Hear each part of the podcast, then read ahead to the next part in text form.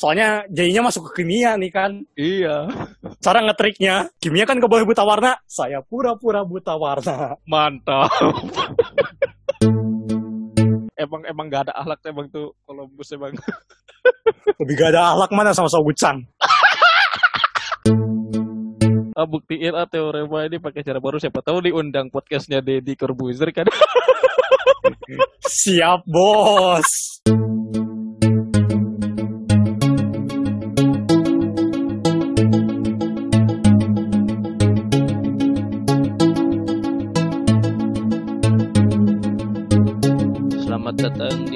Podcast Bebas Linear. Masih bersama saya Rizky dan partner saya Siapa? yang nanya. Ya. Gue udah tahu. Bersama bersama saya Rizky dan partner saya Lauren. Hari ini kita akan membahas tentang hal-hal dalam matematika dengan gaya bebas namun masih berada di jalan lurus. Oke, Oke. seperti biasa kita ada update dulu. Ada update apa nih? Mau update apa? Bola. Aduh, sedih. Bola bola bola bola. Apa? Liverpool juara. Wah. Liverpool juaranya terlalu cepat. Tapi kalau dibanding-bandingin sama musim sebelumnya sebenarnya hitungannya lambat. Soalnya musim musim sebelumnya tuh Mei udah selesai. Ya kan ketunda.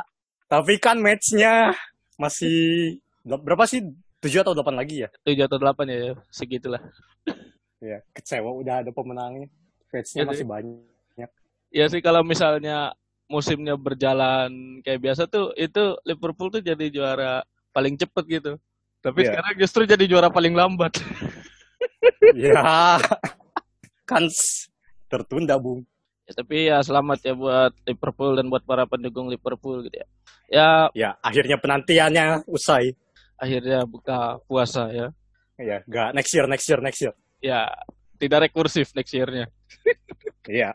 Ternyata finite rekursinya. Iya.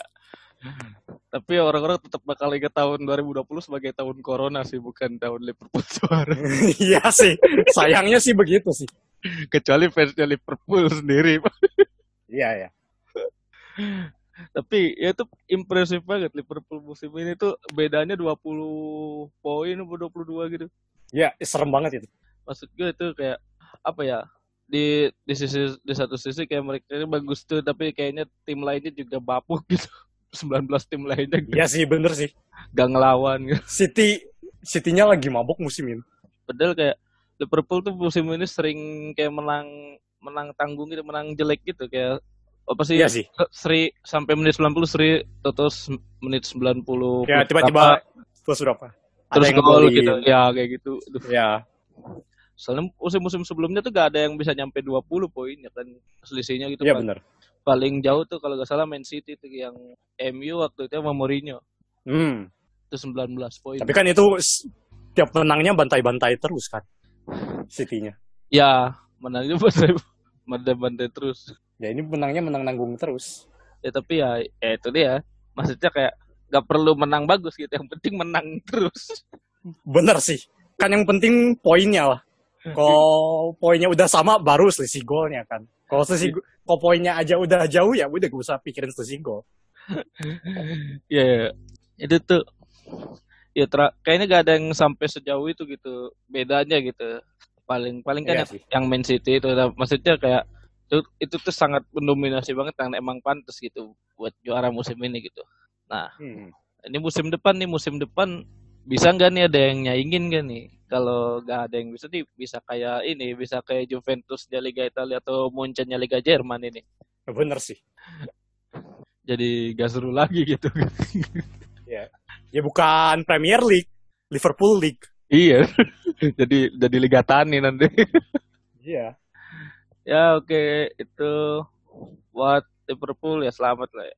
Terus Iya. apa lagi ya kalau dari bola? Oh ini Oh, gol Messi bagus, boy. Eh, gol Suarez sih.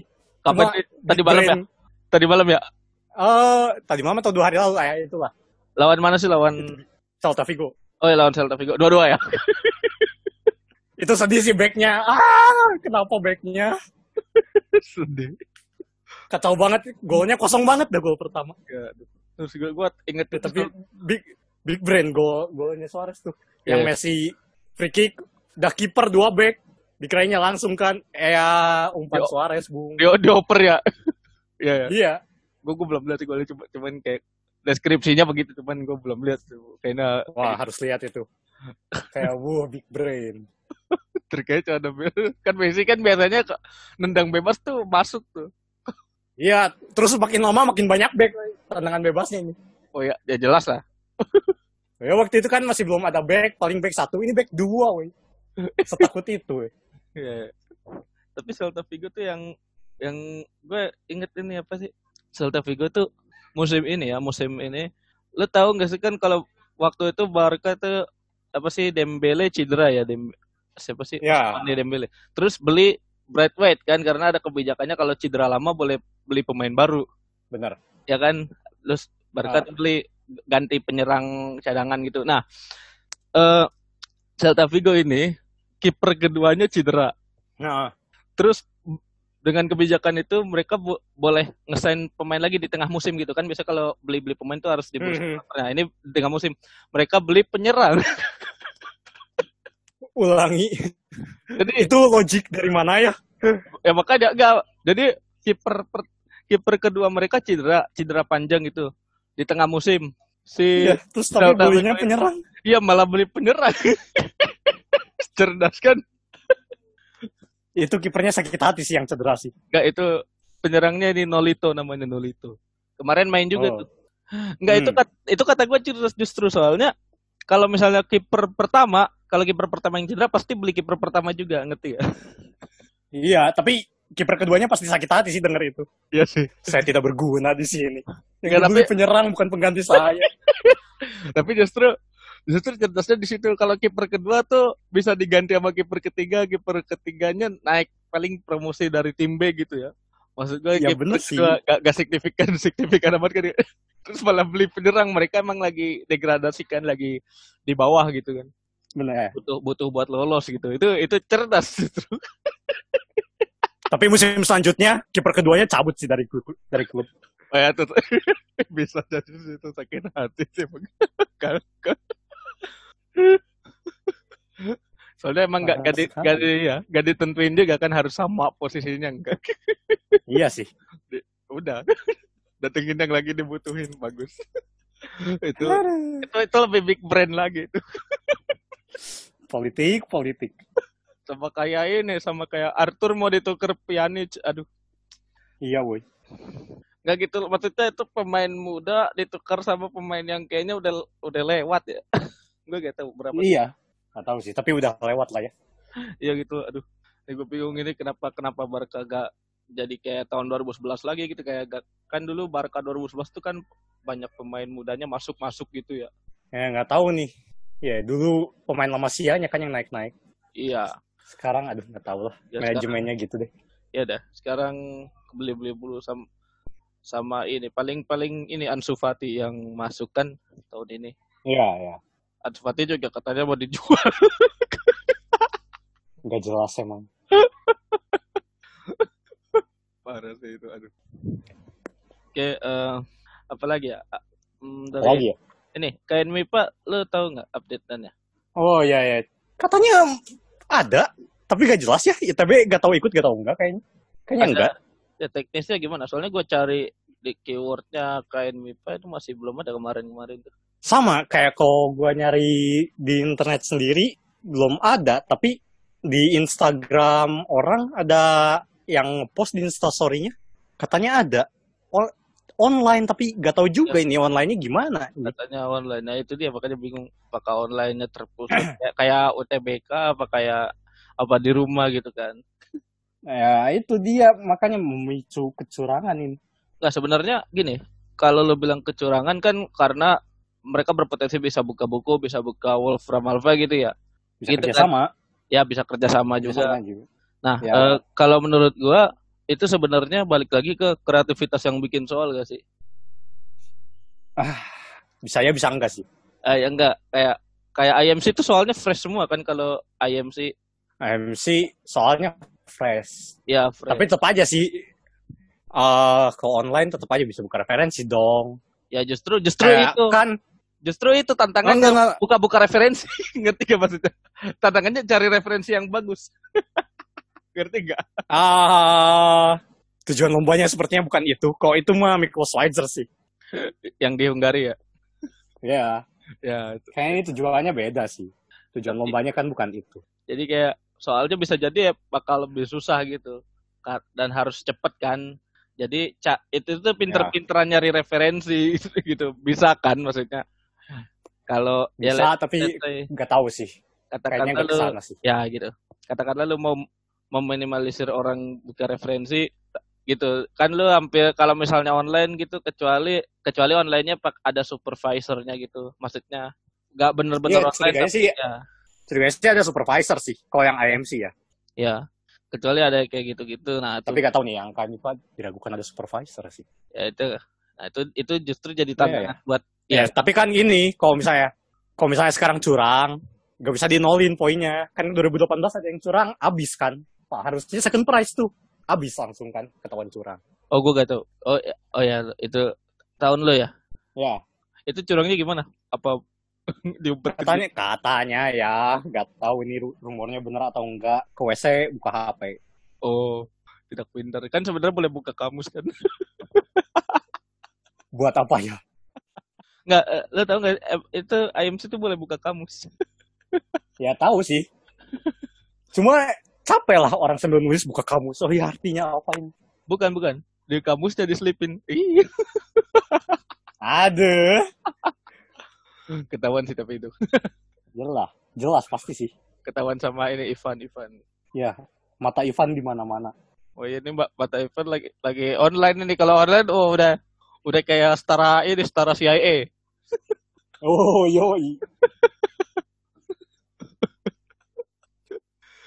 ya itu dia maksudnya bisa jadi kayak tahun ini tuh selain tantangan di pelaksanaan tantangan juga di yang bikin soalnya bisa nggak bikin soal sekreatif mungkin jadi nggak nggak nggak gampang gitu buat nyari referensi yang berkaitan gitu atau Kalau KN MIPA susah sih. Soalnya materinya ter- sangat dibatasi kan. Kalau IMC tuh kayak di AOPS, tahu kan artofproblemsolving.com. ya itu itu website bagus ya itu buat buat yang pengen ikut olimpiade olimpiade gitu ya APS Ah, ah, terus kan ada forum nanya IMC ada nggak tahun ini? Terus ya ada. Terus dibilang ah, belajarnya dari mana kan? Selalu aja tiap tahun tuh pasti ada yang nanya belajar dari mana. Terus belajar Putnam cukup nggak buat IMC? Terus ada yang jawab IMC tuh stylenya beda sama Putnam. Jadi Putnam tuh cukup materi S1 mainannya sama waktu kan. Soalnya 6 soal 3 jam kan. Iya. Terus sehari sehari itu dua sesi kan. Per sesinya 6 soal 3 jam sehari lagi. Ya itulah masalah di mental capek sama waktu kan.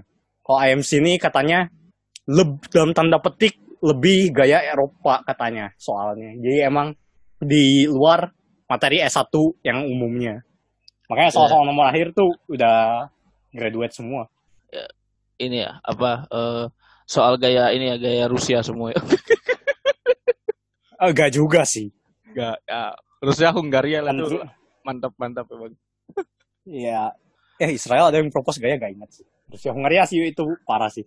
mantap emang bikin soalnya out of the box Iya. kan itu kan jadi tantangan juga buat yang bikin soal oke eh Ya, yang Tapi ini KN MIPA tahun ini diadain pun urgensinya apa gitu? Iya. Kayak kalau KSN diadain sih kita ngerti karena tahun depan harus ngirim buat internasional.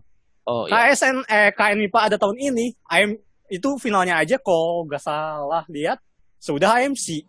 Terus IMC sekarang bisa ada IMC kan bisa daftar individu. Sekarang gak mahal lagi kan. Ya satu prestisnya kurang sih karena tidak mau wakili kampus, tidak mau mewakili negara. Terus ya KN MIPA-nya jadinya khususnya yang matematika ya buat jadi buat apa gitu lah. Urgensinya tidak sebesar itu. ya jadi kayak cuma ngabis-ngabisin anggaran aja gitu ya. Ngomong-ngomong soal anggaran, tahu nggak anggaran riset buat vaksin 49 miliar, anggaran hadiah buat vlog new normal 168 miliar. nah itu yang saya mau bahas juga itu ah itu 168 Itu- miliar itu what Nok nok, Anda pas ngambil keputusan di mana? Di WC kah? gue gue bingung aja tuh.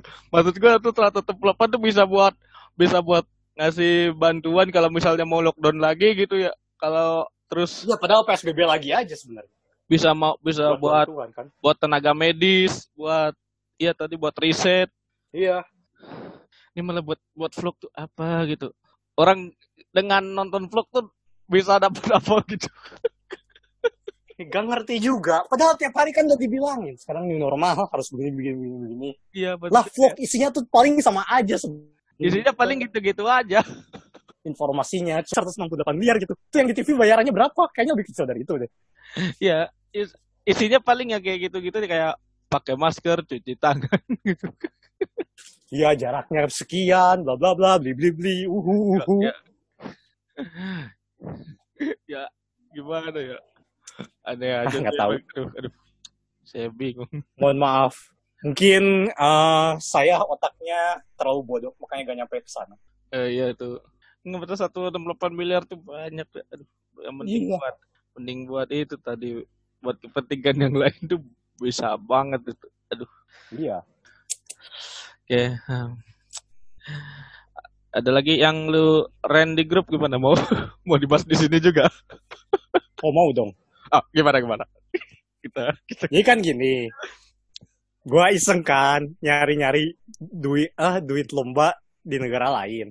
Lomba matematika doang ya. Biasanya yang lain kan misah. Kalau di sini kan terintegrasi gitu kan. KSN, KN MIPA tuh udah semua gitu kan. Iya. Tapi di negara lain tuh biasanya misah-misah lah. Jadwalnya juga bisa beda-beda. Nah, nemu nih dari Amerika. Ternyata di Amerika eh, lomba wilayah aja 20 besar itu dapat 1000 sampai 2000 dolar Amerika.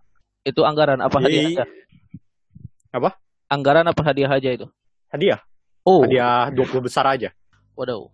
20 2 2000.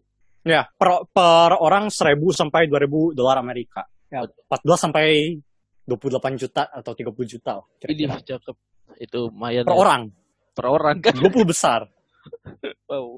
Terus buat nasionalnya, tiga besar tuh dapat 10 ribu sampai 20 berapa ribu dolar Amerika per orang. Itu gak tahu tuh yang bawahnya dapat lagi atau enggak. Curiganya sih dapat lagi ya. Ya bisa bisa. Dan ternyata kalau misalnya lu ngasih solusi yang dianggap cukup unik, cukup bagus sama jurinya, Beda dapat 3000 solusi. dolar. Ya be- beda Ya, dari Dapat solusi. 3000 dolar Mantap. per soal. Ya. Jadi kalau misalnya lu kasih dua soal solusinya dianggap bagus, dapat 6000 dolar. Wow.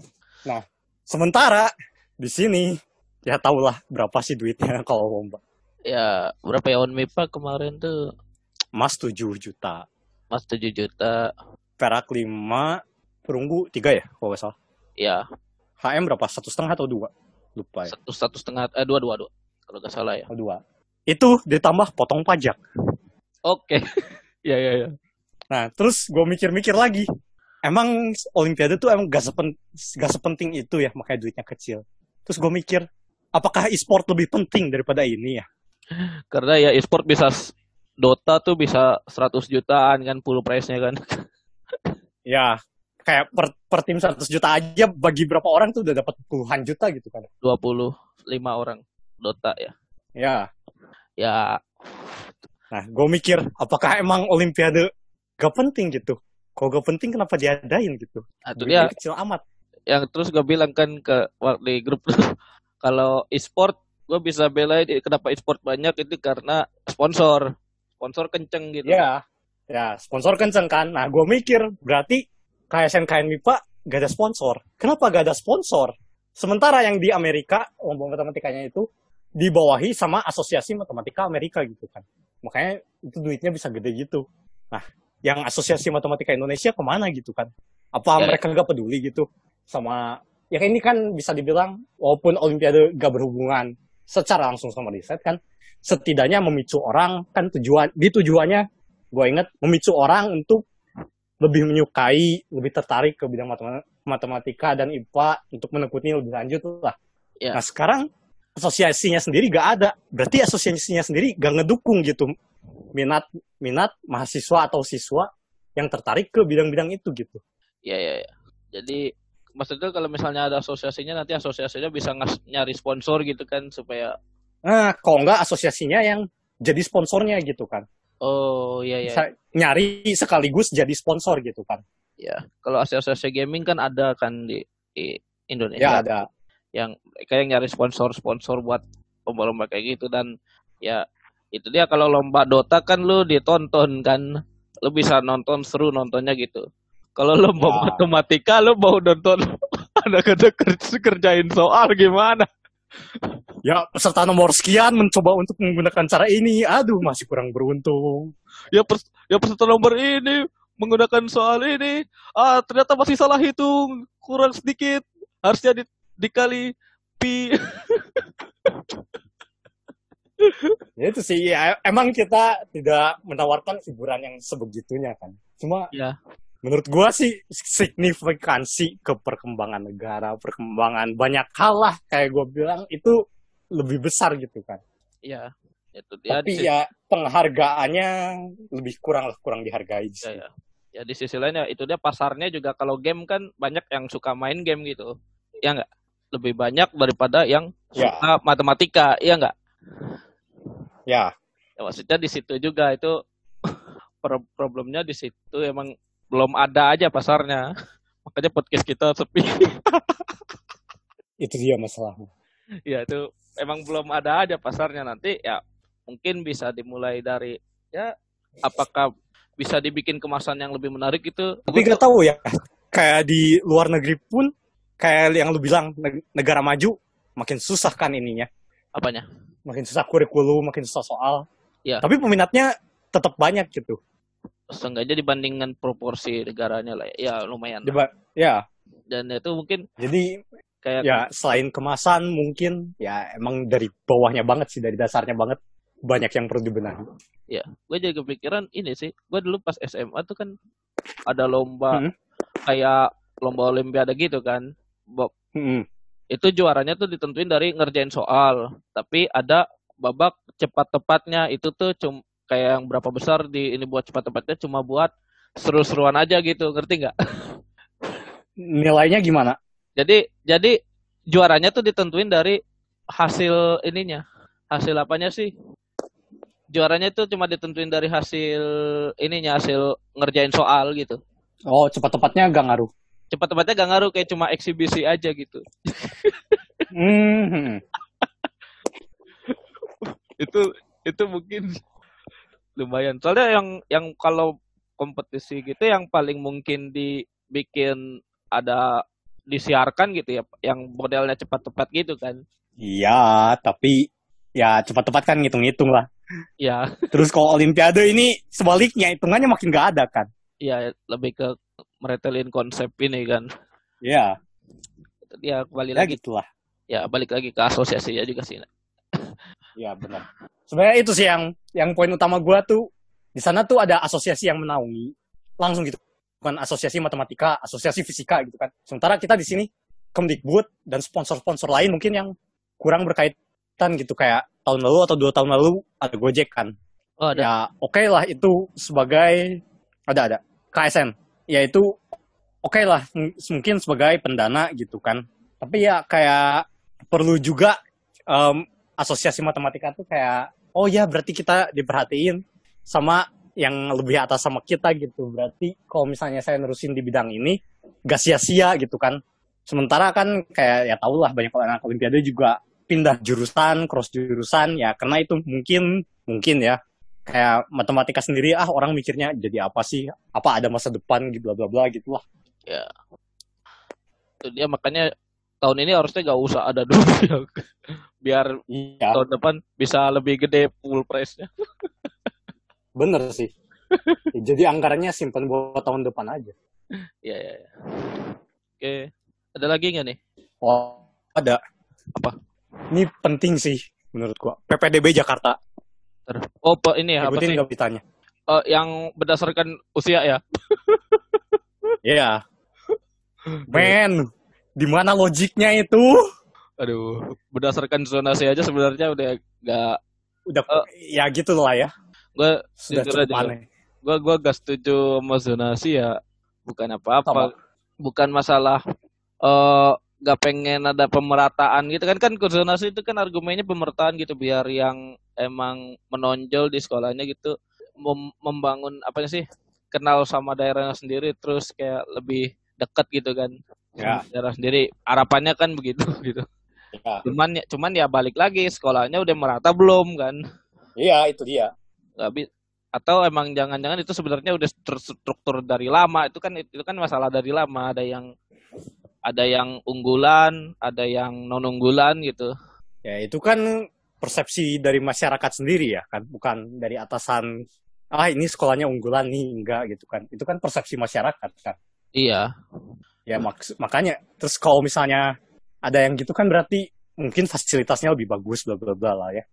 Sekarang dengan adanya zonasi nih kayak gini lah. Lu punya mutiara, lu taruh di lumpur, apakah mutiaranya kelihatan bagus? Eng- Enggak kan. Ya walaupun argumennya mutiara, tetap mutiara sih walaupun tetap mutiara, tapi orang nggak enak gitu liatnya. Kayak seratus ribu, kenapa orang ny- nyimpen baik-baik? Karena seratus ribu gitu kan. Gak ada seratus ribu itu kucel-kucel. Kayak seribu dua ribu kucel-kucel kan. Iya. Kenapa? Karena berharga gitu kan. Seratus ribu itu dianggap Iya, iya, penting, makanya ditaruhnya di tempat yang baik gitu kan. Iya. Ya sama ini juga. Ya gitu lah. Terus tambah usia gitu. Kayak yang tua kenapa gak paket C aja gitu lah. Paket B, paket C. bukan nggak paket B paket C juga sih maksudnya eh kayaknya bukan ke situ deh tapi kayak eh gua baca satu artikel katanya kalau misalnya yang masih muda mas loan aja gitu ya nggak gitu juga dong Justru kebalik gak sih di luar negeri? iya Ada aja child prodigy yang masih muda tapi udah imba ya kenapa gak dikasih kesempatan gitu kan. iya nggak yang kasihan ya itu nanti sangkatannya ab- abang-abangan semua gitu kan Nah, iya. jadi jadi gak enak kan Iya. Ya terus ya emang kita harus memberi kesempatan untuk mendapatkan pendidikan walaupun sudah tua ya tapi gimana ya? Kata gua paket C juga cukup sih. Eh, tuanya tuh bukan tua yang Sebenarnya yang penting tuh 23 nanti di tahun universitasnya sih kan. Iya. Bu- Bukan tua yang 20 21 tahun ada loh kan? Iya. Oh, ada ya? Oh, Ada. iya iya. iya. Ada yang Nah, itu. 21 tahun baru masuk SMA gitu apa? Oh, Ada ada.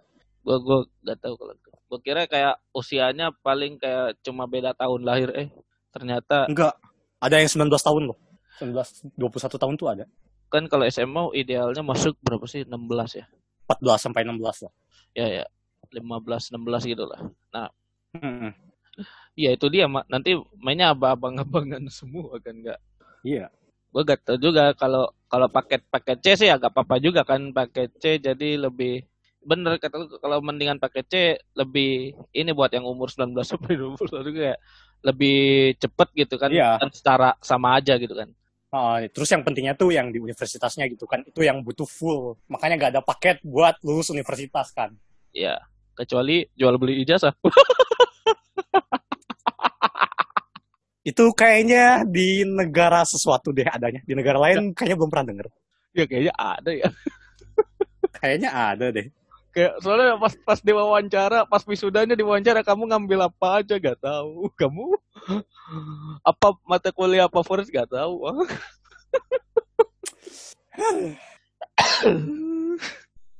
ya udah gitu aja kali ya. Gitu lah ya. Udah 30 menit ini update mantap. Yes, gitu lah ya. Keluh kesah.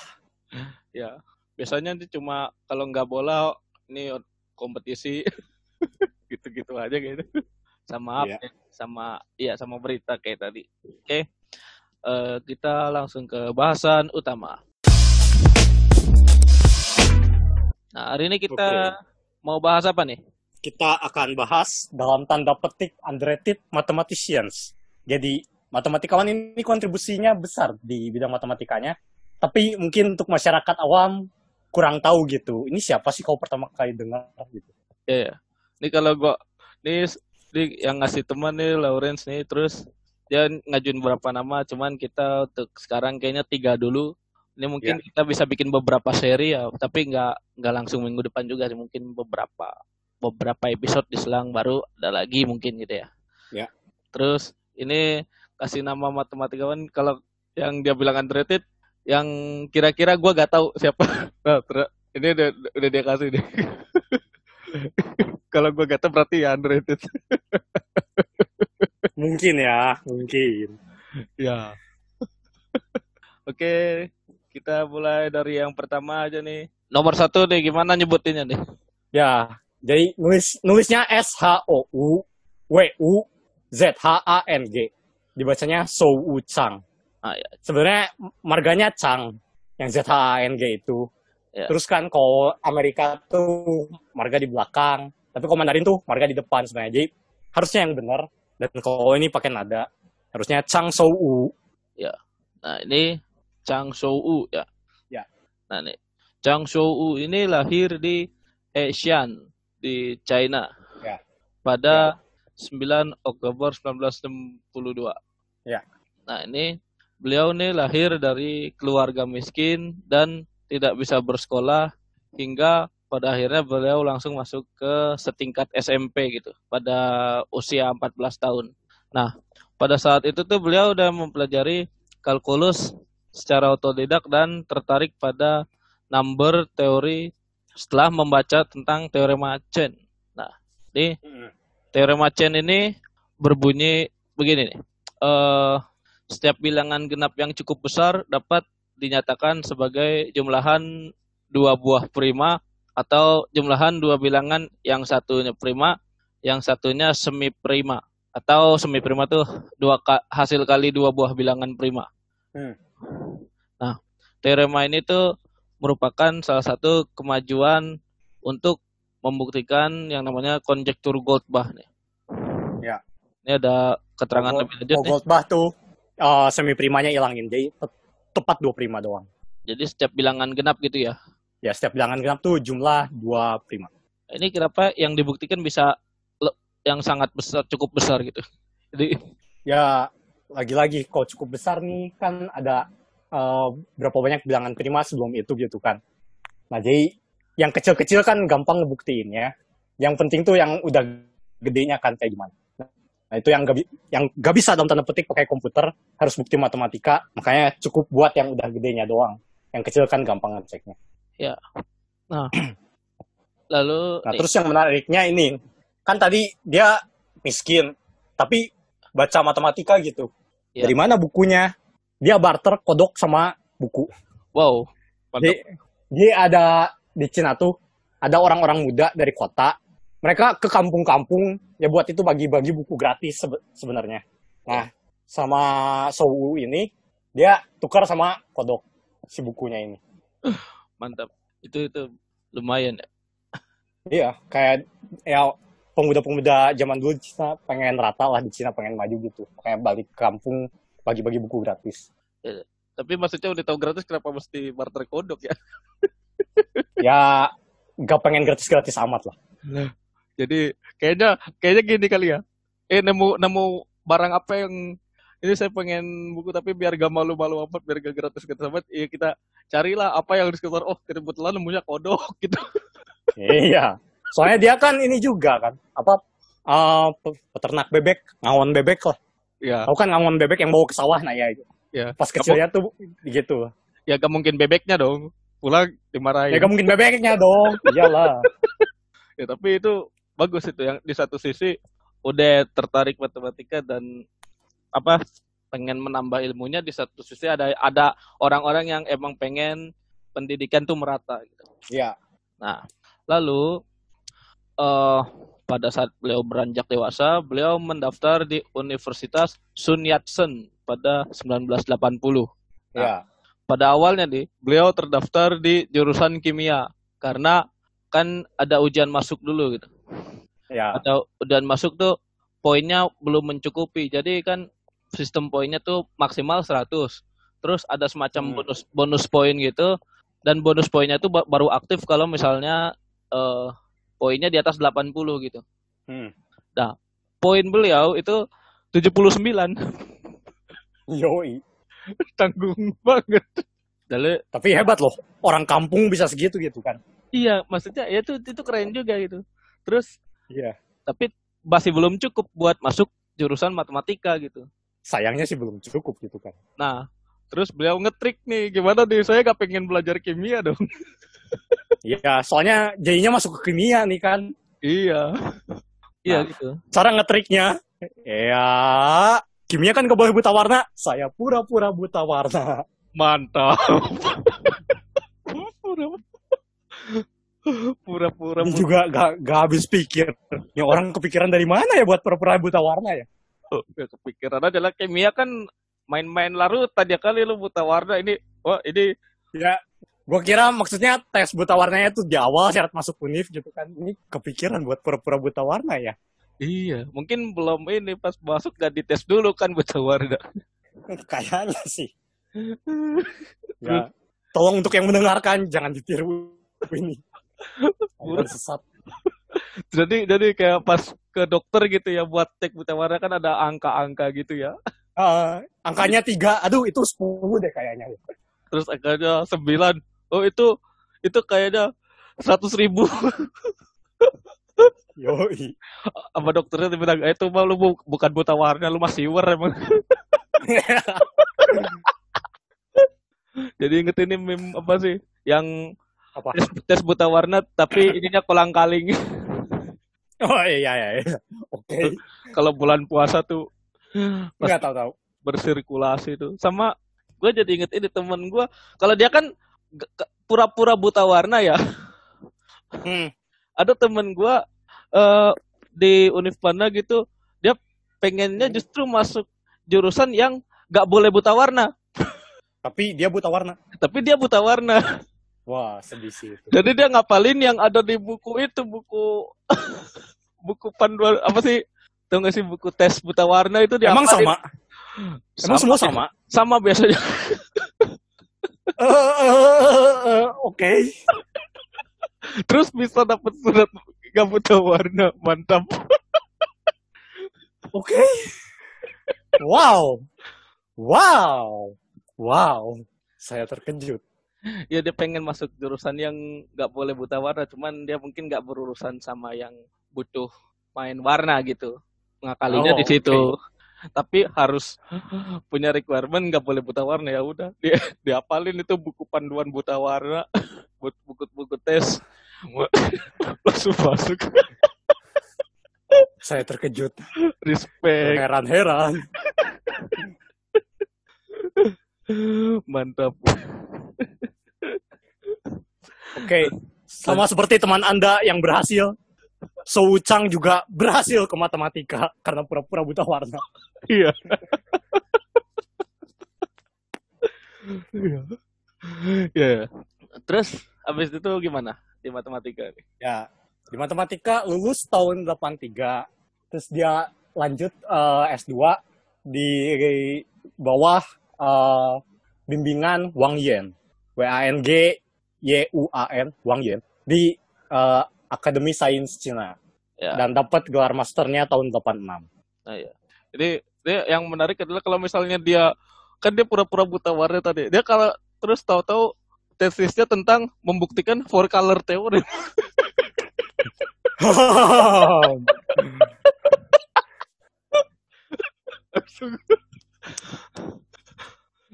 Eh, tapi yang gue dengar buta warna tuh sebenarnya masih bisa ngebedain warna.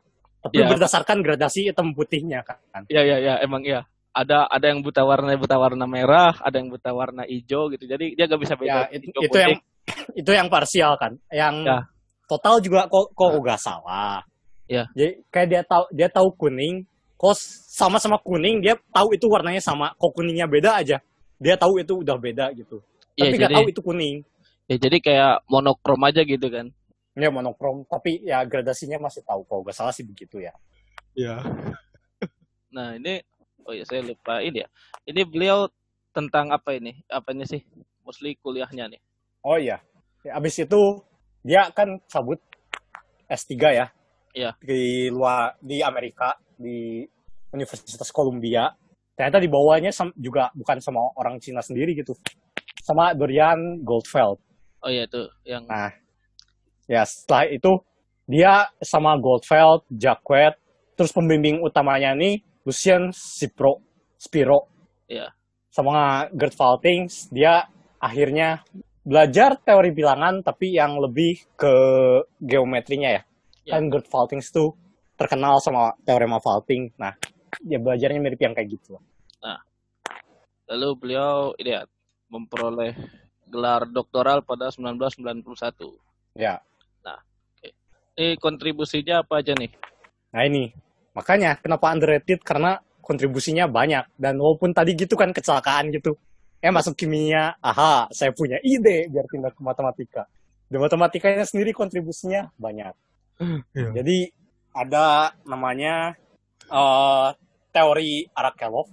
Jadi ya teori bilangan tapi campur geometri kayak dalam tanda petik nentuin tinggi suatu kurva atau suatu persamaan. Nah itu nanti ada definisi tingginya. Nah tingginya tuh kayak gimana? Nah dia eh, ada Fields medalist namanya Enrico Bombieri. Dia nulis buku eh, tinggi di geometri Diophantine. Terus dia bilang pas bahas teorema Chang ini, ini apa breakthrough paling besar di eh, bidang ini gitu. Jadi orang-orang nggak tahu nih si tinggi kurva tuh ada batas bawahnya atau enggak. Nah Chang nih buktiin ada batas bawah. Oh ya, tinggi kurva itu kayak gimana ya? Nih, Hmm, aduh, ini cukup teknis ya, cukup aljabar. ya. Jadi nanti mirip Galois gitulah, kayak perluasan lapangan. Nah itulah tingginya kayak gitu lah. ada ya ya ya. Dia gak beneran tinggi kurva kita gambar, oh tingginya segimana? Enggak. Nggak, bukan bukan itu. Jadi kayak kayak perluasan lapangan ada derajat perluasannya, nah mirip kayak gitu lah. Oh, ya derajat perluasan tahu tuh. Hmm. Nah, terus ada lagi membuktikan perumuman eh, Gross-Zagier berkaitan dengan Heigner point. Nah, ini Zagiernya ini yang yang kita pernah bahas dulu ya Don Zagier itu ya. Ya, yang bukti satu kalimat tapi sakit kepala. Kalau ya ini Heigner points ini apa ini? Ya, masih sama, cuma uh, ini lebih nyambung ke analisis kompleks, sudah mainnya fungsi modular, fungsi L yang kayak pernah kita bilang. Nah, fungsi L ini kan ada kaitannya sama kurva eliptik. Nah, titik Heigner nih nyambung sama titik di kurva eliptiknya itu. Terus apa lagi? Ya, terus uh, ternyata bidang ini tuh nyambung sama uh, aritma dinamika aritmatik. Oke, jadi kayak mungkin pernah dibahas juga ya sama Valer sama Kiki. Hmm? Kalau ada hmm, apa sih nama konjekturnya yang n per 2 atau n 2n tambah 1? Kolat kolat.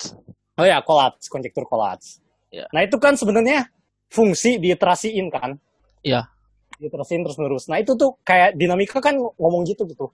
Eh, ada eh, sistem dinamik, terus ada pemetaannya. Kapan nih pemetaannya balik ke titik awal? Apakah dia akan balik ke sistem awal atau keluar dari sistem awal kan? Nah, ya itu kayak konjektur kolats tuh sistem dinamik sebenarnya. Karena apakah si dinamikanya itu akan balik ke sistem awal atau gak akan pernah balik ke awal gitu. Ya kayak kan Dan itu ada hubungannya sama kayak gitu. Ya, ya kan kayak kolats kan apa sih kalau ganjil dikali tiga ditambah satu ya. ya kalau salah. Terus terus kalau genap dibagi dua itu kan kayak kecenderungannya akan ke satu gitu kan. Iya, tapi kan apa benar gitu kan yang besar-besar itu benar bakal balik ke satu at- atau enggaknya kan nggak bisa kita tentuin gitu. Ya. Nah ini nih menariknya yang pas gua baca eh yang tinggi di geometri Diophantine eh malamnya kayak gua mimpi, aduh ini kayaknya ada hubungannya sama dinamika aritmatik. Gak tahu dari mana boy itu. Terus dicarikan di Wikipedia beneran ada. Dari mana? Saya juga tidak tahu. Ya. Jadi kayak fungsi di iterasi di iterasi nanti kelakuannya kayak apa gitu kan. Ya, Semacam itulah. Oke. Ada lagi kan nih? Ya, sekarang beliau di Princeton ya. Ya, oh ya. Beliau di Princeton University. Ya, oke. Lanjut, ada siapa nih? Ada Vladimir Arnold. Nah, kalau namanya Vladimir seperti ini sudah jelas orang Rusia atau Ya, Uni Soviet lah. atau pecahan Uni Soviet ya. Oke, jadi Vladimir Igorevich Arnold lahir di Odessa. Odessa itu sekarang Ukraina pada 12 Juni 1937 dari bapak seorang matematikawan dan ibu seorang sejarawan budaya Yahudi. Nah, ini Hmm. saya agak rancu ini apakah sejarawan budaya apakah sejarawan yang meneliti budaya Yahudi atau sejarawan budaya yang Yahudi. saya bacanya begitu. Benar sih. Ya kan Bener sih. Ya, Balik kalian bisa pilih salah satu lah. Ya pokoknya itulah. Tapi kalau nggak salah sih Yahudi sih, namanya. Kalau nggak salah ya. Ya kan bisa aja. Apakah meneliti sejarah Yahudi juga? Ya itu nggak tahu. Ya, itu dia Bisa apakah, jadi sih. apakah seorang Yahudi yang menjadi sejarawan budaya, apakah orang bisa aja kan bukan Yahudi tapi men- meneliti sejarah meneliti budaya Yahudi gitu. Iya, ya. itu itu dia yang sering jadi soal-soal bahasa Indonesia itu. Iya, aduh. Yang rancu-rancu gitu ya. iya. Kalimatnya belum belum pas berarti kan. Oke. Nah. Ya.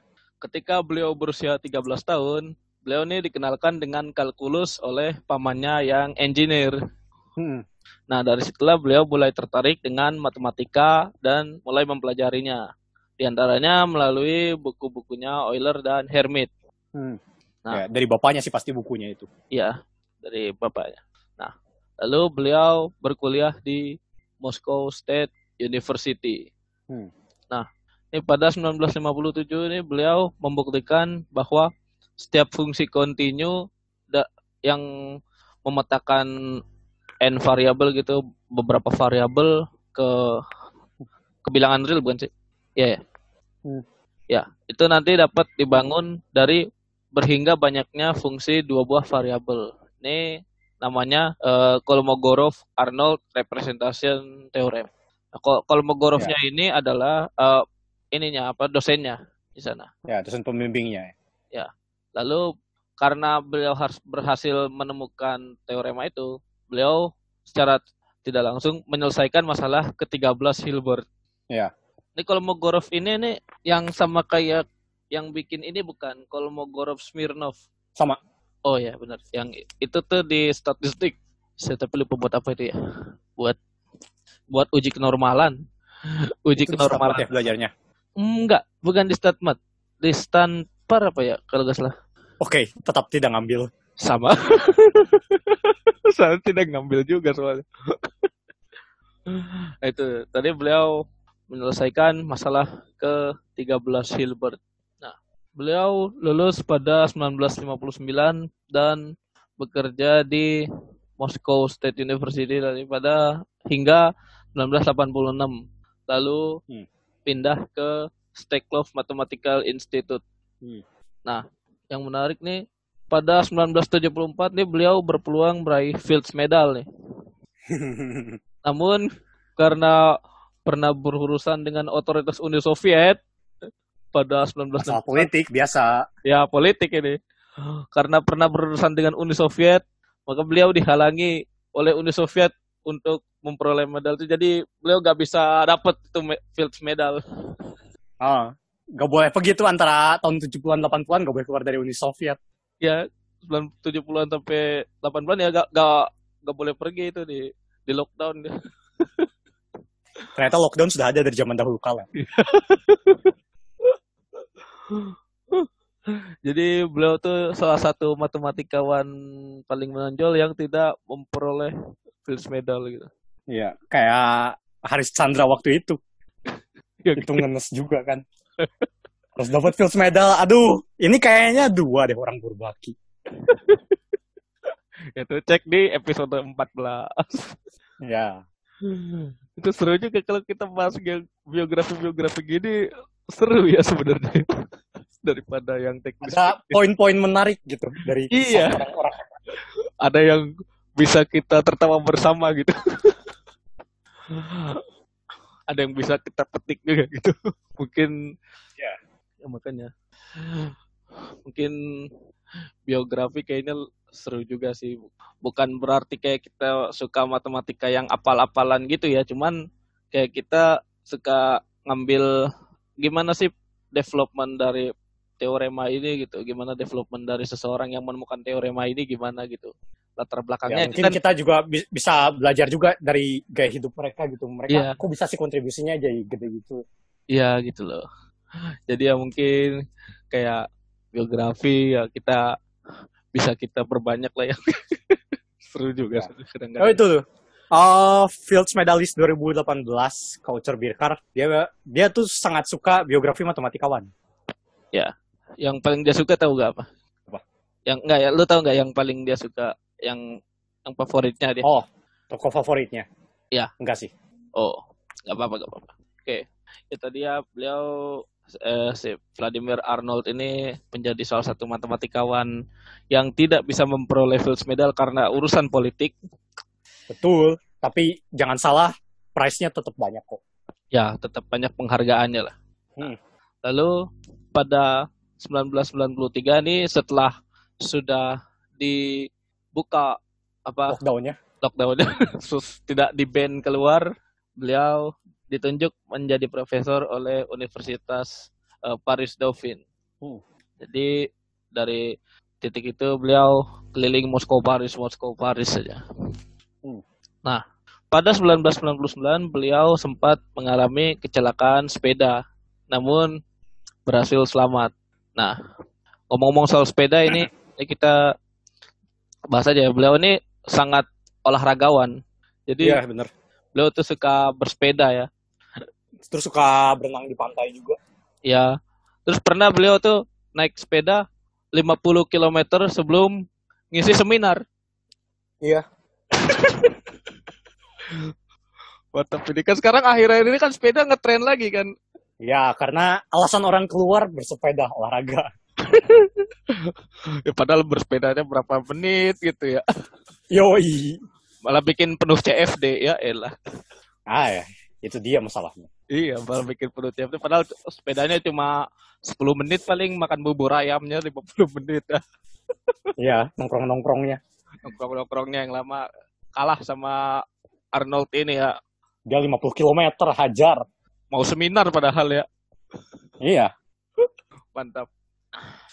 Nah pada 2006 beliau merupakan matematikawan dengan indeks citasi tertinggi. Nah menandakan produktivitasnya di bidang matematika. Hmm, luar biasa.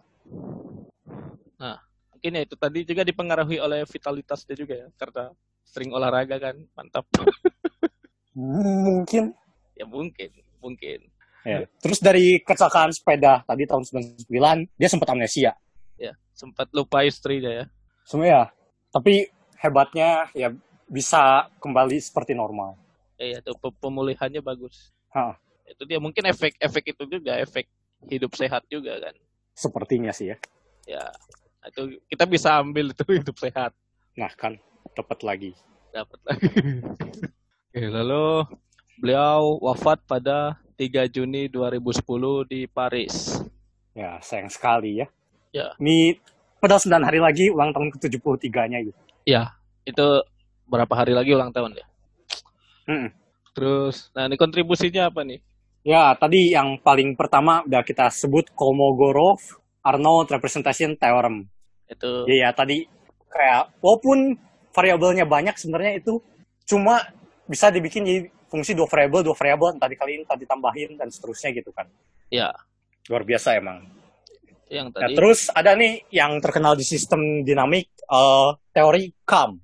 KAM ini dari Kolmogorov, Arnold dan Moser. nih, monster ini lu tau nggak monster Mosernya sih kurang tahu saya. oh jadi ya itu Kolmogorov Arnold Monster Theorem di sistem dinamik Ya, Kolmogorovnya kan terkenal lah ya di teori peluangnya. Yang Mosernya yang saya kurang tahu sih. Terus ada lagi eh, Arnold conjecture. Jadi berkaitan dengan bilangan minimum dari suatu simplektomorfisme Hamiltonian. Ini ini barang apa ini? Ya, ini barang apa saya juga kurang tahu. ya. Itu kan ada cabangnya kan simplekto apa gitu? Simplek simplekto Geometri simplektik ada Ah iya ya tuh, geometri simplektik. Lu tahu nggak itu? Bel- Belum ya? eh cukup ribet sih itu masuk ke Kahler. Pokoknya simplektik tuh ya kayak sime kayak simetri tapi ada tambahannya lagi. Iya ya. Nah, oh ya, kita ngomong-ngomong ini nih sebenarnya karena uh, Vladimir Arnold nih banyak kerjanya di mathematical physics gitu kan. Kayak kontribusinya nih banyak banget di sistem dinamik, di yang, yang nyambung-nyambung ke fisika gini lah. Iya. Terus ada juga beliau juga mencetuskan konjektur mengenai eksistensi sebuah benda yang hanya memiliki sebuah titik kesetimbangan stabil dan sebuah titik kesetimbangan tidak stabil. Nah, ini yang menarik Ah. nih. Kita bicara titik kesetimbangan dulu. Jadi titik kesetimbangan tuh titik di mana gaya total yang bekerja itu sama dengan nol gitu. Nah, eh, Kasarnya kayak gini lah, kau punya kertas, dipegang sama satu jari itu kertasnya seimbang nggak jatuh. ya, eh, nah, eh, kalau aku contohnya telur sih. Jadi kayak gini, kan tadi ada yang Oh, stabil, bisa ada yang ada yang tidak stabil ya. Nah, stabil tuh apabila dikenai gaya sedikit, dikenai gaya sedikit itu nanti kembali ke titik asal gitu. Hmm. Kalau tidak stabil apabila dikenai gaya sedikit tidak bisa kembali ke titik asal. Nah, contohnya adalah telur. Nah, titik kesetimbangannya tuh ada di sepanjang sisi. Jadi kalau ditidurin ya, telurnya ditidurin, posisi tidur. Nah, Itu stabil. Karena kita goyang-goyang dikit dia masih tidur kan, akan kembali ke posisi tidur kan. Ya. Masih posisi tidur. Nah, titik kesetimbangan yang nggak stabilnya adalah di ujungnya. Ya. Jadi sebenarnya secara teori bisa aja di ujung tuh eh, dibikin apa sih eh, kalau misal kita bisa ngeberdiriin telur gitu secara teori. Hmm. Cuman kalau misalnya kita udah bisa ngeberdiriin telur terus kita senggol sedikit, itu kan jatuh ya. Hmm. Gak bisa balik berdiri lagi dong. Ya. Nah itu yang dimaksud titik kesetimbangan yang tidak stabil. Oh, Oke. Tau nggak sih yang ada teknik menyeimbang menyeimbangkan batu gitu tau nggak? Enggak. Jadi ada batu gitu kayak posisinya miring-miring gitu tapi di ditempelnya di sudut-sudutnya gitu. Diletakinnya di sudut-sudutnya tapi bisa pas gitu, bisa seimbang. Oh, keren keren. itu tuh pakai ya itu kayak tadi titik kestabilannya itu nggak stabil itu soalnya kalau misalnya disenggol dikit pasti jatuh itu kan Ya ya.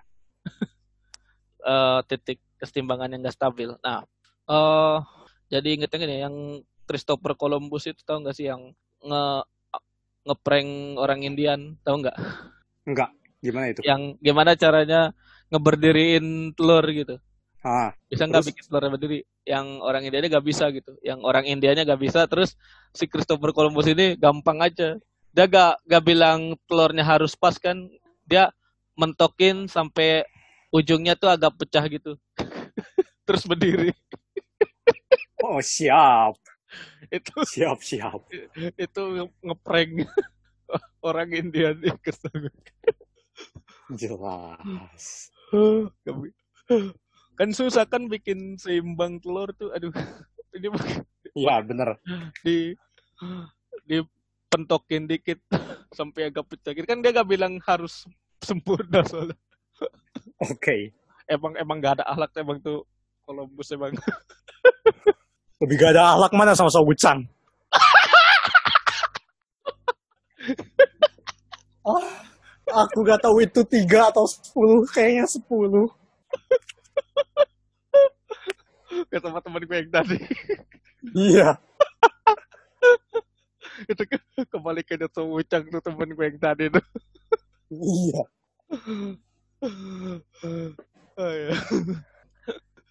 Terus, nah, tekan tadi eh, Vladimir Arnold ini eh, membuat konjektur bahwa ada benda yang cuma punya dua titik kestabilan gitu yang eh titik kesetimbangan, ke titik kesetimbangan yang satu stabil yang satu nggak Ah. stabil nah Ah, eh bentuk seperti ini dibuktikan ada gitu eksistensinya Hmm. dibuktikan oleh Gabor Domokos dan Peter Farkoni nah ini orang Hungaria nih dan Hmm. benda benda dengan sifat tersebut dinamai gombots di tulisannya dunia nyata ada nggak? tulis nggak tahu tulisannya G O M B O C gitu tapi bacanya gombots di dunia nyata Hmm. bentuknya tuh kayak apa sih kayak batu-batu pantai gitu eh batu batu yang kayak jadi hiasan di meja tahu nggak sih Oh ya ya, tahu tahu. bentuknya mirip-mirip kayak gitu jadi Oh. dua orang ini Gabor Domoko sama Peter Farkonya gitu neliti semua batu-batu yang bentuknya kayak gitu batu pantai gitu neliti ada nggak Wow. yang yang bentuk yang punya cuma punya dua titik kestabilan gitu inversinya dari situ Niat, dan niat sekali. tapi mereka gak nemu dari pantai ter- terus mereka bikin konstruksi lah secara matematik gitu Akhirnya. terus dibuktikan bahwa bisa bisa ada benda yang kayak gitu nah Keren. contoh salah satu contoh nyata dari gombots ini adalah yang menyerupai gombots ini adalah kura-kura Hmm, kenapa? jadi kura-kura tahu nggak sih kalau misalnya kura-kura telentang Hah? terus cuma menggeliat dikit terus bisa balik lagi tengkurap. Iya ya tahu tahu. Kan kura-kura jalannya tengkurap kan. Tapi kalau tiba-tiba telentang gitu dengan sedikit Oh bisa balik. gaya dia bisa balik lagi ke tengkurap. Nah itu kayak gitu. Oh oke. Karena dia bisa dibilang gak stabil kan di bagian belakangnya gitu. Di Oh. punggungnya, punggungnya tuh gak stabil. Lebih stabil yang pas dia tengkurap. nah, Ya, ya. Keren. Selain itu, beliau juga nih berkontribusi di bidang teori singularitas, eh, dinamika fluida, dan real algebraic geometry.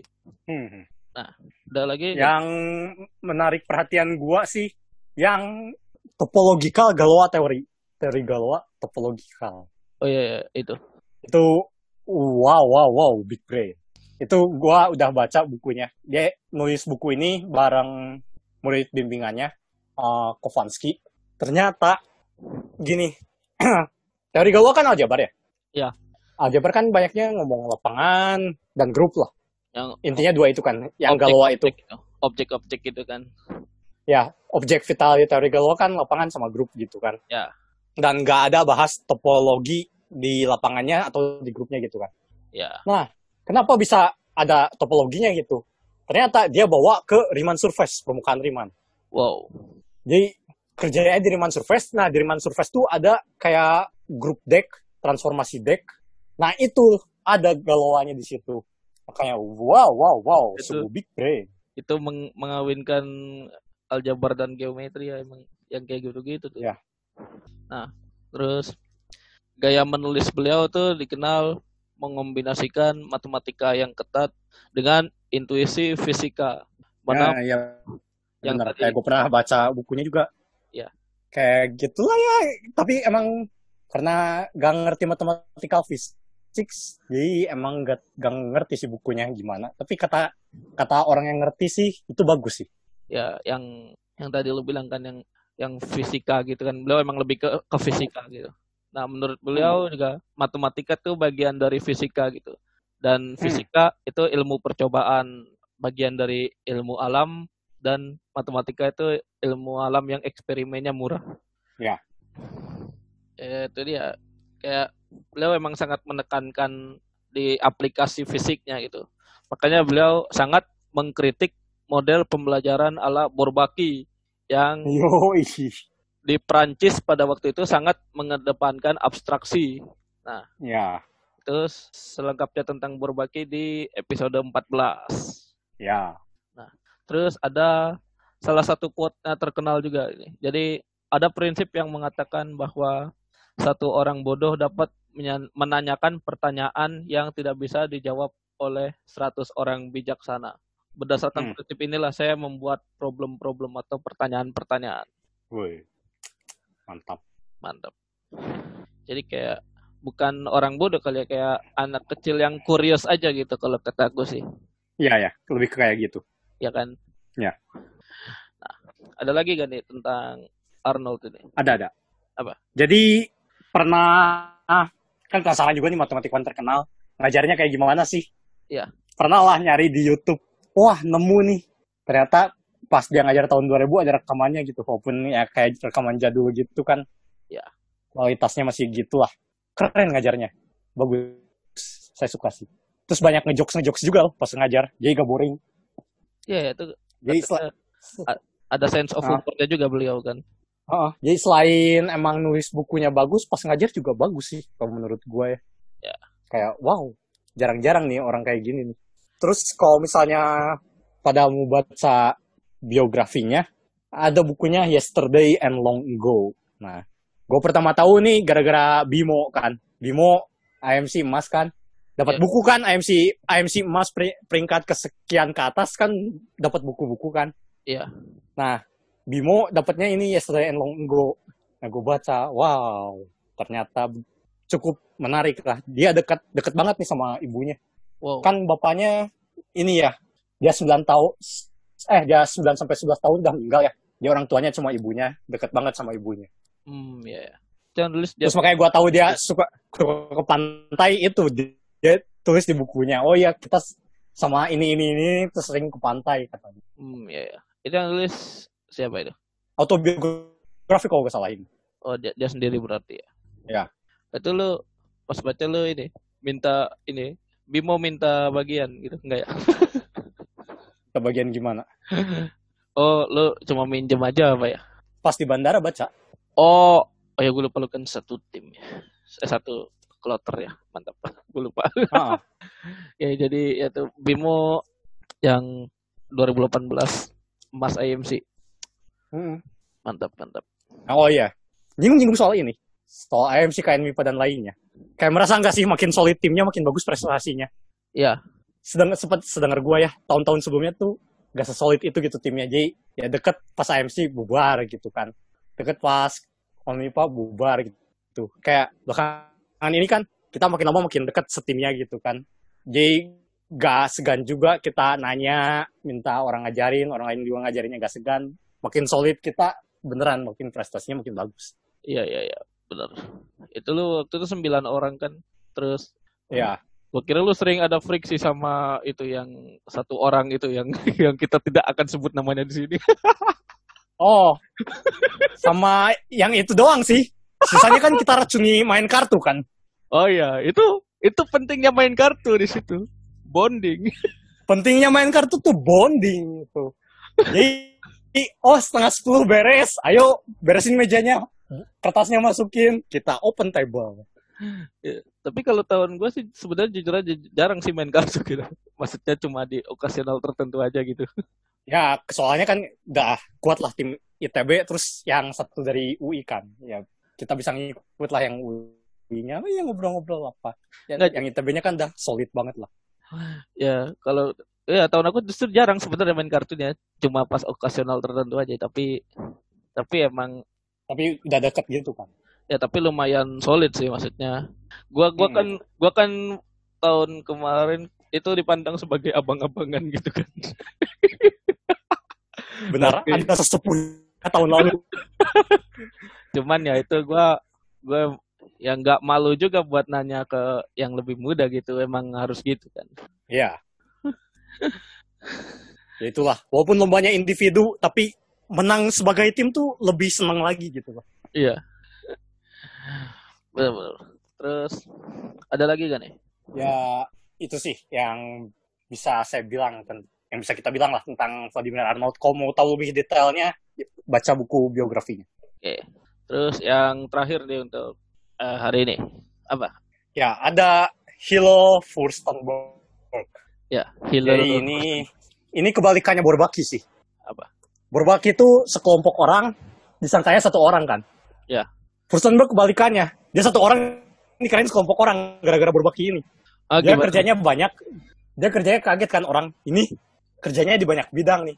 Masa sih satu orang bisa kerja di banyak bidang gitu gitu kan terus nyambungin bidang ini sama bidang itu. Waduh curiganya nih orang kayak Borbaki lagi nih ini cuma uh, akronim doang nih. Cuma Terus- bukan akronim apa sih? Orang- Pseudonym. Ya, ya pseudonym. Iya. Nah, Terus setelah orang tahu, oh satu orang ya luar biasa. Dia cuma punya Ya, dua Jadi- alias aja sih. ya. Cuma kalau nama lahirnya itu tadi Hillel Fursten Furstenberg. Kalau orang-orang di Amerika manggilnya itu Harry Harry Furstenberg. Ya, nah beliau nih lahirnya di Jerman, tapi ya Yahudi lah, keturunan Israel. Ya. Nah, beliau ya tadi lahir di Jerman pada 29 September 1935 dan ya tadi beliau berasal dari keluarga Yahudi. Setelah kristal naik atau penyerangan terhadap rumah-rumah orang Yahudi, kejadian tragis yaitu di Jerman pada 1938, keluarga beliau mengungsi ke Amerika Serikat. Ya.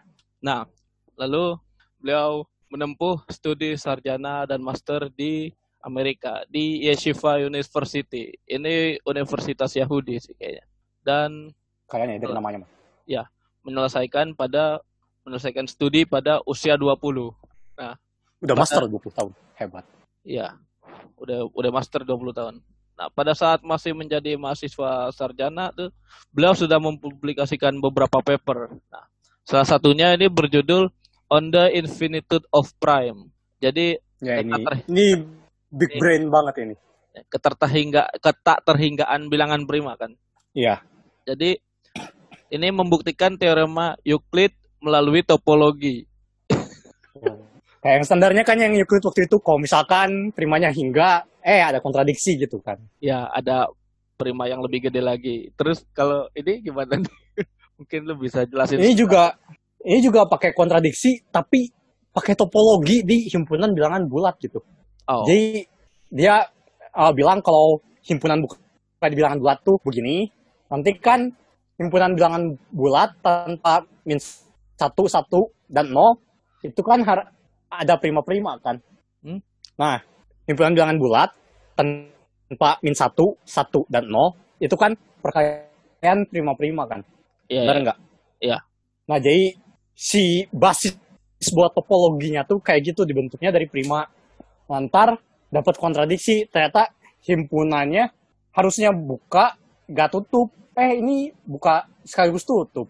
Nah, kontradiksi. Kalau primanya berhingga. Kayak begitu. Oh, iya. Ya tadi buka gak tutup tuh bukan bukan berarti kalau buka gak boleh tutup ya itu beda Itu beda. beda maksudnya himpunan buka di sini. Cuman ah, mungkin kita akan bahas kapan-kapan tuh himpunan buka himpunan tutup. Kayaknya seru juga. Analisis boleh. analisis real kan. Nah, Hmm. nah oh itu tadi beliau mem- membuktikan teorema Euclid yang keterhinggan prima melalui topologi dan terbit di American Mathematical Monthly. Hmm. Nah, lalu beliau menempuh studi doktoral di Princeton University dan memperoleh memperoleh PhD pada 1958 melalui tesisnya yang berjudul Prediction Theory. Hmm. Ini tentang ini ya, kayaknya tentang statistik apa sih? Dia kerjanya eh, sistem dinamik sih. Ya ya, yang Ergodic teori. Ya. Kayaknya situ-situ sih.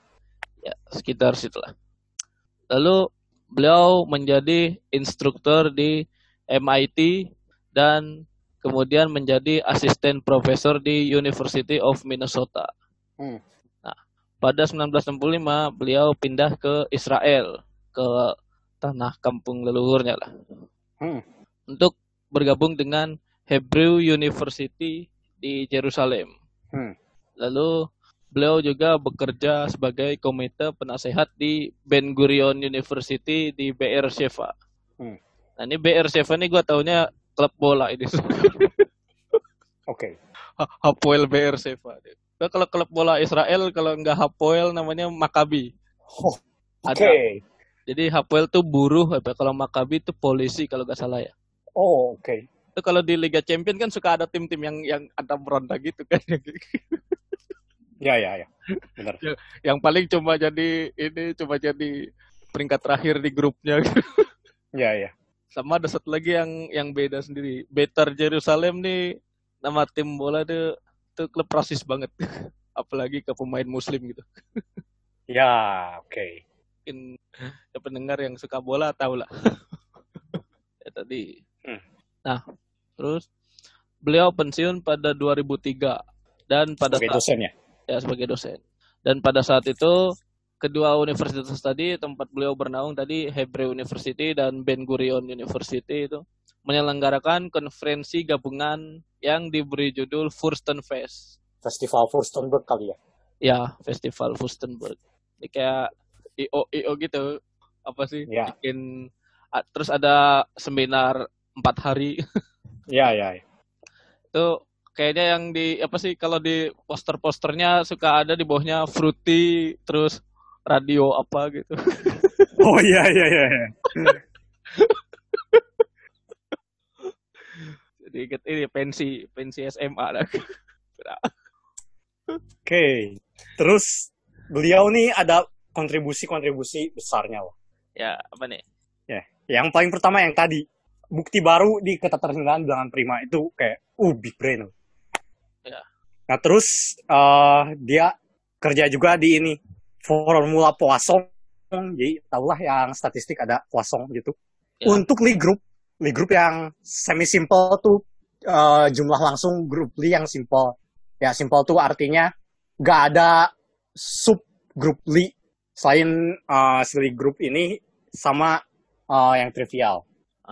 Jadi ini bahasan tentang grup Li ya, Li grup. Ya, tapi bahasanya itu pakai tetap dinamik ergodik. Ya, ya. Terus Nah. Terus ya di teori ergodik nih yang sangat-sangat apa ya berperan besar ke teori bilangan malah kayak bingung kan kayak tadi teori ergodik nih bahas peluang sistem dinamik Iya. Adanya hubungannya juga sama teori pelu eh sama teori bilangan. Nah jadi kontribusi paling besar nih bukti baru teorema Smredi jadi Smredi bilang tuh kalau kita punya subhimpunan bilangan asli terus subhimpunannya tuh cukup padat gitu lah dia nanti ada kepadatan jadi cukup padat. Jadi cukup padat tuh artinya kepadatannya lebih besar dari nol. Nah nanti ada progresi aritmatika panjang berapapun. Oh, yang waktu itu pernah lu bahas bukan? Yang bukti sebenarnya ini s- ya ya itu kan di bilangan prima ya. Bilangan prima kan eh, densitasnya nol. Ya. kalau yang semeredi ini awalnya den- yang densitasnya lebih dari nol. Hmm. nah bukti semeredi yang aslinya itu sangat kombinatorika. Terus buat orang kombinatorika sendiri bilang itu panjang dan susah gitu. Pakai graf dan lain sebagainya. Terus tiba-tiba muncul bukti Furstenberg pakai teori ergodik. Lebih pendek dan wow gitu. Wow Pas saya baca juga wow apa ini wow Iya, iya, iya.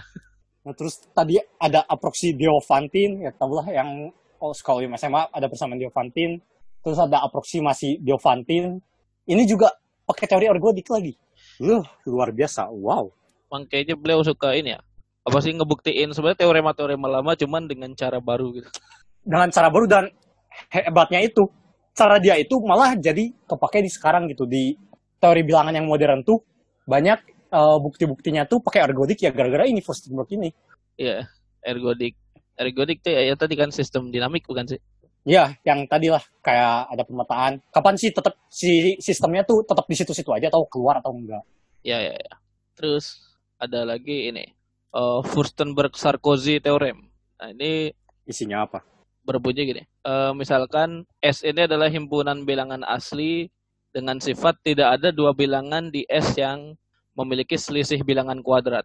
Jadi selisihnya tuh ke- kalau kita ambil dua bilangan di S gitu bukan selisihnya bukan bilangan kuadrat. Nah, Hmm. maka nanti kepadatan alaminya tuh dari S akan akan sama dengan nol gitu. Ya, tadi yang kepadatan kayak yang tadi Hmm. dibahas. Eh ini artinya untuk setiap epsilon lebih besar dari nol dan untuk untuk bilangan n yang cukup besar proporsi dari himpunan 1 sampai 2 sampai 1, 2 sampai n gitu. Jadi dari 1 sampai n gitu yang ada di S tuh paling banyak proporsinya tuh epsilon. Jadi dari eh 1 sampai n kalau kita kita cari yang ada di S perbandingannya sama n buah bilangan itu paling banyak epsilon. Hmm. Nah, terus densitas atau kepadatan ini sederhananya gini. Kau punya tadi himpunannya S, kepadatannya itu adalah limit N juta hingga S diiris 1 sampai N per N. Nah, itulah kepadatannya. S di- Banyaknya S diiris 1 sampai N, itu banyaknya berapa dibagi N, terus limitin juta hingga. Nah, itulah kepadatannya. Oh S diiris 1 sampai Oh jadi jadi S yang ada di n kan sebenarnya kan. Ya. Biasanya kan emang ngomongnya S nih subhimpunan bilangan asli kan. Ya. Terus diiris interval 1 sampai N dibagi N, limitin juta hingga. Jadi kayak S-nya kan bisa aja hingga gitu. Ya, tapi kita break dulu lah sampai paling besar N gitu. Ya jadi kayak misalnya kalau dari n-nya satu ya S satu ada yang di situ gak terus kalau misalnya dua di antara satu sama dua ada S yang di S ada berapa gitu kan. Terus tiga Ah, terus bagi dua, ya terus bagi dua terus yang tiga terus dibagi tiga. Terus ya, nanti lanjut seterusnya. lanjutin sampai kira-kira limitnya berapa itu kan limit kan. Ya, limit barisan itu kan. ya itu limit barisan. Nah itu akan menjadi nol ya di situ limitnya. Ya. Nah, ini kan limit barisan juga bisa ada, bisa enggak. Ya, ini hebatnya lagi nih, pasti ada dan nol gitu kan. Ya. Nah, terus beliau nih meraih beberapa penghargaan. Kalau yang Arnold tadi banyak sekali lah penghargaan Arnold nih. Ya. Jadi ada penghargaan Xiao, penghargaan Lenin, penghargaan Wolf. Nah, Fustenberg juga dapat yang penghargaan Wolf. Jadi dibilangnya penghargaan Wolf ini kayak reputasinya tuh ketiga setelah Fields Medal sama Abel Prize. Ah iya nih. Bisa dibilang kayak gitu. Nah, Fustenberg nih Wolf dapat, Abel Prize juga baru dapat tahun ini. Tahun 2020 di baru dapat Abel Prize. Ya, terus ada Israel Prize sama Harvey Prize. Nah, Nobel Prize tuh biasanya ya diserahinnya tuh sama presiden, presiden atau raja Norwegia. Ya, cuma tahun ini enggak. Katanya ditunda di tahun depan. Apa karena pandemik? Jelas. Oh iya. Makanya waktu itu juga lihat ininya streaming kan, lihat dia umumin penghargaannya. Wih, mantap. Terus ya beliau nih apa ya bisa dibilang matematika di Israel nih jadi sangat maju karena beliau ini salah satunya. Nah terus beliau nih humble banget lah kayak pas ditanya selamat udah dapat Nobel Prize gimana perasaannya? Eh, tentu senang, eh, excited. Tapi apa? Saya tidak pernah berpikir kalau saya layak gitu buat Nobel Prize. Kayak dia bilang kan Smredi juga dapat Nobel Prize kan. Nah, dia kan kerjaannya ada hubungannya yang sama Smredi. Terus dia bilang, saya rasa Smredi itu levelnya berbeda dengan saya gitu. Terus saya juga tahu beberapa Nobel Prize yang lainnya, kayaknya levelnya berbeda dengan saya gitu. Ya. Tapi saya dapat ya, semoga emang saya bener-bener layak dapat gitu lah. Ya. Mantap. Iya, Abel Prize ini cuma buat aljabar aja apa enggak kan? Buat semua matematikawan kan? Enggak. Ya. Jadi kan kalau Fields Medal kan ada requirement-nya di bawah 40 tahun gak sih?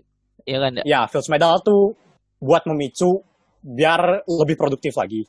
Kalau Nobel Prize tuh lifetime achievement. Dia Oh. pasti yang tua-tua yang dapat. Oh iya iya.